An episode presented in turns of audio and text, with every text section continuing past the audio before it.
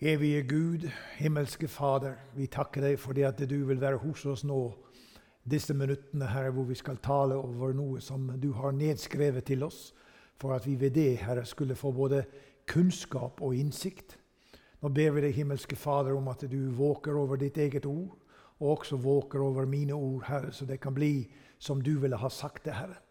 Ta du deg av oss i vår hjelpeløshet. Vi priser og takker deg, du evige Gud. Du som er Faderen, Sønn og Den hellige ånd. Vi ber om ditt nærvær over hjertene og over ørene som skal høre. I Jesu navn. Amen.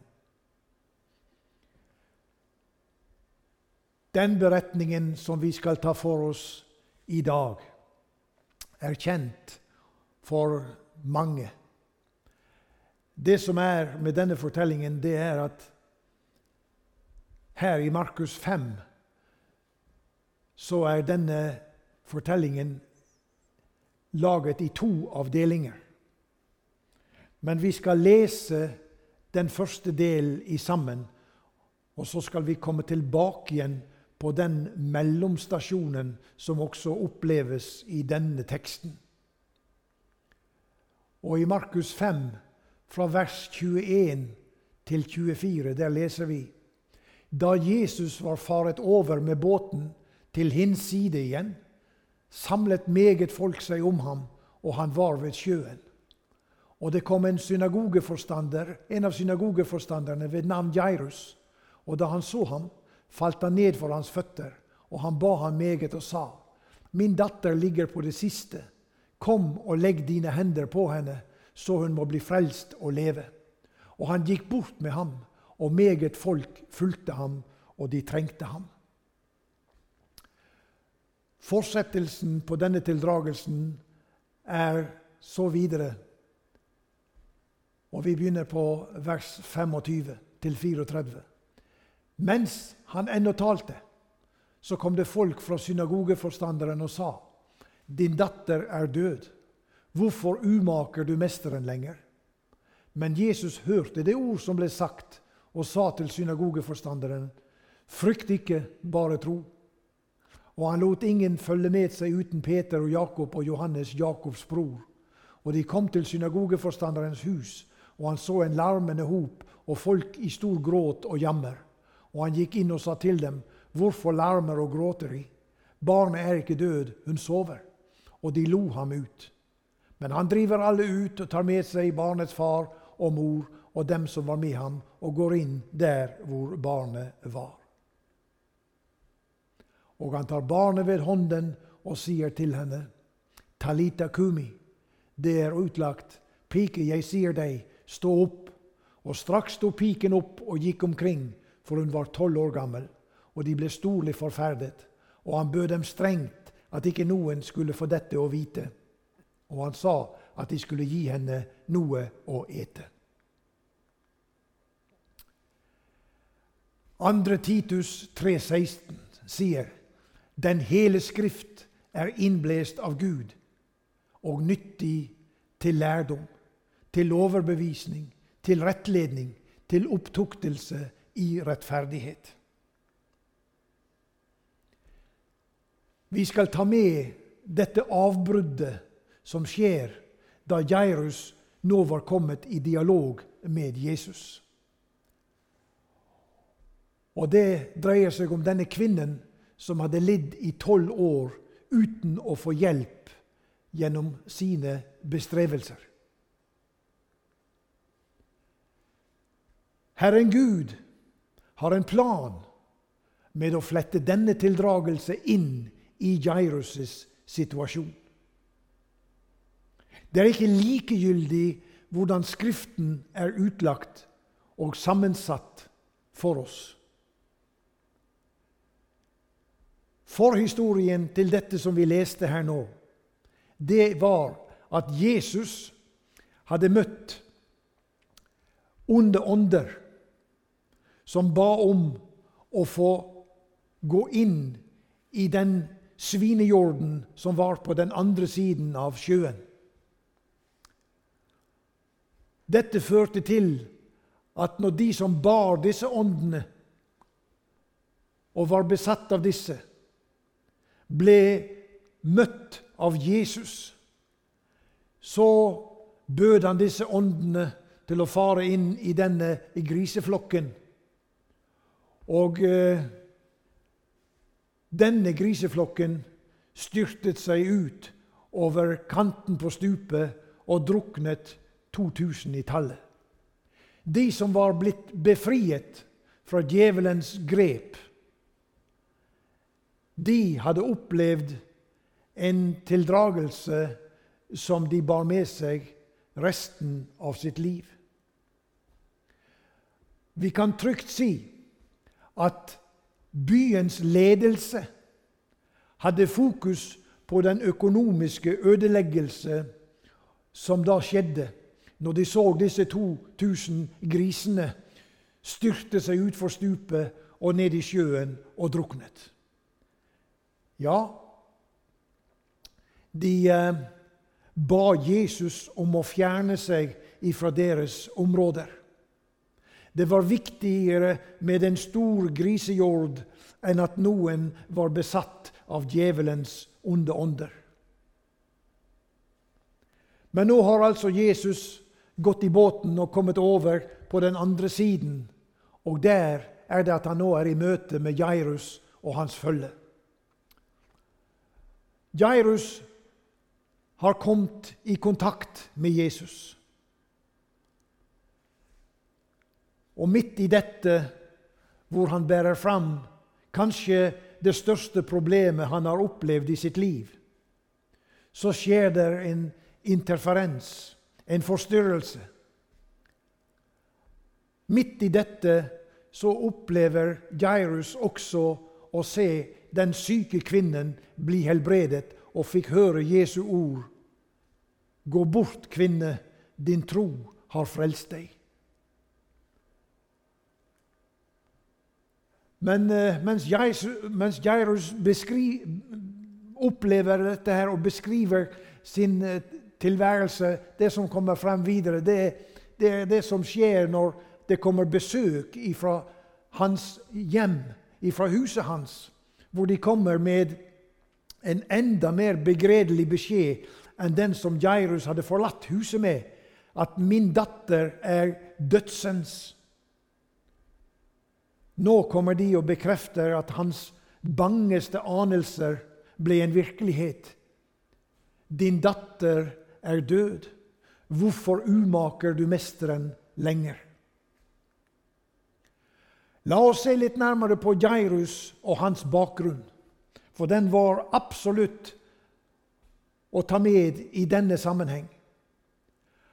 Som en av flere synagogeforstandere der i byen, så var han kjent med sitt ansvar for synagogens tekniske tilstand. Han hadde ansvar for å kalle til samling ved å blåse i sin sjåfar. Han hadde ansvar for å organisere bønn. Og han skulle inneha rollen som lærer i det som var skriftrullene, og ta vare på Toraen.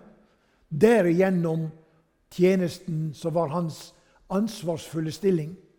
Og det var absolutt en offentlig og kjent skikkelse i samfunnet, den som var synagogeforstander. Det var ingen hvem som helst. Med tanke på Jairus' stilling så var det utvilsomt et gigantisk steg for ham å kontakte Jesus. Jesus var den sekteriske lederen som alt som heter fariseere og også de gammeltestamentlig troende som, de, de, ville ikke ha noe med Jesus å gjøre. Denne som sto fram og sa 'Jeg er Guds sønn'. 'Jeg er den som dere venter på'. Denne var det han kontaktet denne dag. Det var et gigantisk steg for han da han kom foran Jesus og kastet seg ned for Jesus, slik vi leste. Og dette i påsyn av de store folkemengder som denne dag var der sammen med Jesus like ved sjøen. Men Jairus, Jairus hadde en meget stor grunn. Det knuget hans fars hjerte. Denne datter som han elsket så høyt, at han var villig til å ofre sin stand og sin stilling. Det var ingenting som måtte komme imellom at Jairus fikk kontakt med himmelens Gud gjennom denne som utga seg for å være hans sønn. Og Jairus gjorde det eneste riktige. Oss til undervisning, vi som hører. Han gjorde det eneste riktige. Han gikk på tvers av det som samfunnet ellers mente, og kontaktet Jesus. Han bad han meget og sa, 'Min datter ligger på det siste. Kom og legg dine hender på henne, så hun må bli frelst og leve.' Denne bønnen i nød som Jairus ba, den fikk respons. Og det står i Markus 5, 24, Jesus gikk bort med ham. Jesus gikk sammen med ham. Kanskje tenkte Jairus ja, jeg har fått kontakt med han som utfører tegn og under. Kanskje er det håp for jenta mi. Veien var full av mennesker. Veien hjem til Jairus hus. Der trengte folk seg på fra alle kanter. Mange ville ha kontakt med Jesus. De hadde nettopp vært vitne til denne kvinnen som, som hadde fått opplevd en himmelsk helbredelse. Men Jairus, midt i dette, fikk høre din datter er død. Umak ikke mesteren lenger. Jairus, innse virkeligheten. Håpet er ute. Det er ikke lenger en mulighet for å få hjelp, Jairus. Du kan stanse i løpet. Mange av de som var sammen med Jesus her denne dagen, nok, uh, hadde nok ikke stor kjennskap til, uh, til, uh, til, det som Jesus hadde muligheter for å kunne gjennomføre. Jesus forsto dette, og han sier til Jairus i denne forferdelige, vanskelige og emosjonelle tilstand som Jairus var i, med en sorg så stor at hjertet kunne briste. Frykt ikke, Jairus! Bare tro! Kanskje det er noen som tenker nå Hva gjør jeg når sorgens mørke skyer himmelen gjemmer? Min tro er svak, og håpets ilder ut. I dag, i denne teksten, så minner Herren oss om at Han oss aldri glemmer. At Han er lys i mørkets natt. Han, vår Gud. Der i huset til Jairus der var forakten og latteren til stede. Midt mellom alle som gråt og jamret seg. For Jesus sa til dem, 'Barnet er ikke død, hun sover'. De visste så inderlig vel, de var vel kjent med død og fordervelse, folket på denne tid. Og de lo ham ut. På tross, på tross av det som var situasjonen. Her var verken en fin, behagelig bakgrunnsmusikk, mennesker med oppløftede hender, med høye bønnerop. Der går Jesus ifra alt det som var av mennesker, tar med seg de nærmeste og går inn der hvor døden har gjort sitt inntog. Der hvor livet har fått et punktum, der hvor det ikke lenger er håp, der går Jesus inn. For Jesus han lar seg ikke stoppe av døden eller for det som for oss er umulig. Han viste det flere ganger gjennom sine treårige tjeneste på jorden.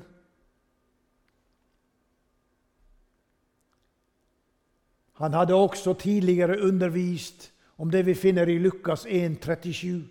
Ingenting er umulig for Gud. Ikke i møte med døden.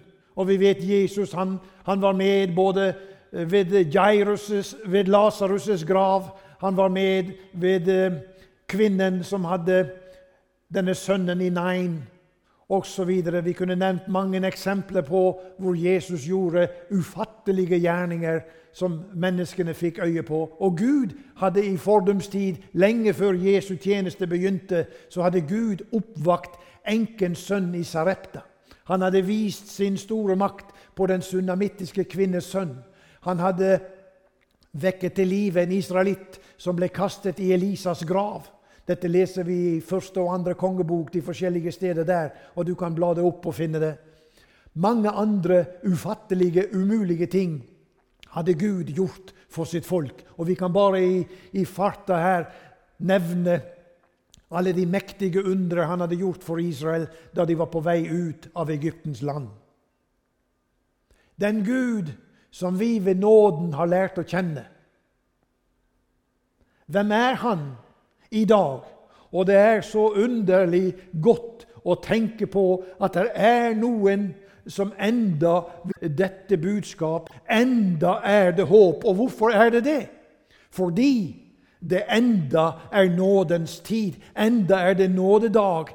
Enda står nådens dør åpen inn til Guds himmel igjennom Jesus. Som eh, Herren Gud den allmektige gjorde sitt største under overfor da han lot Jesus, sin eneste sønn, dø på Golgata for deg og meg. For der var det virkelig at umulige tilstander var til stede. For vi, ikke med en alen av noe av det vi kan finne på, kunne legge grunnlag som skulle føre oss inn i Guds himmel, slik som vi i vår sammenheng er.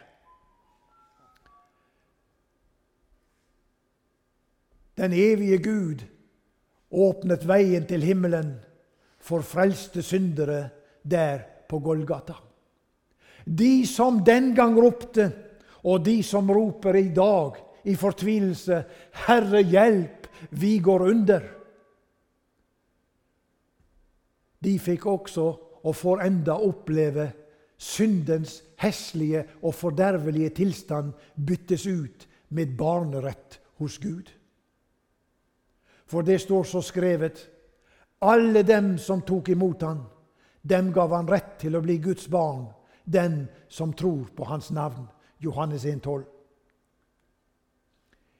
Jairus i sin håpløshet fikk oppleve at han som ble invitert inn i problemene, gjorde den store sorg om til en ufattelig glede. Og Jesus kan gjøre det samme i dag. For han er uforanderlig. Jeg, sier Herren, har ikke forandret meg. Den hårdt prøvede salmisten sier i Salme 50, vers 15.: Kall på meg på nødens dag, så vil jeg utfri deg, og du skal prise meg. Beretningene om Jairus' datter som ble gjort levende igjen ved Jesu ord, og den lidende kvinne som ved Jesu ord ble helbredet, er gitt oss for at vi skal kunne oppleve i Jesu ord at det er liv og utfrielse å få hos Jesus ennå i dag. Og Derfor er det viktig at i dag lyder Herrens ord. I dag er Gud å finne. Enda er det håp. Enda er det nåde å få. Derfor Gi du ikke opp og kalle på Herren, du som lever i vanskeligheter. For Herren svikter ikke sine. For som sangeren sier, hele veien har han lovet være med. Og under disse bibelske sannheter som vi nå har delt i sammen, så kan undertegnede skrive dette er prøvet og erfart. Amen i Jesu navn.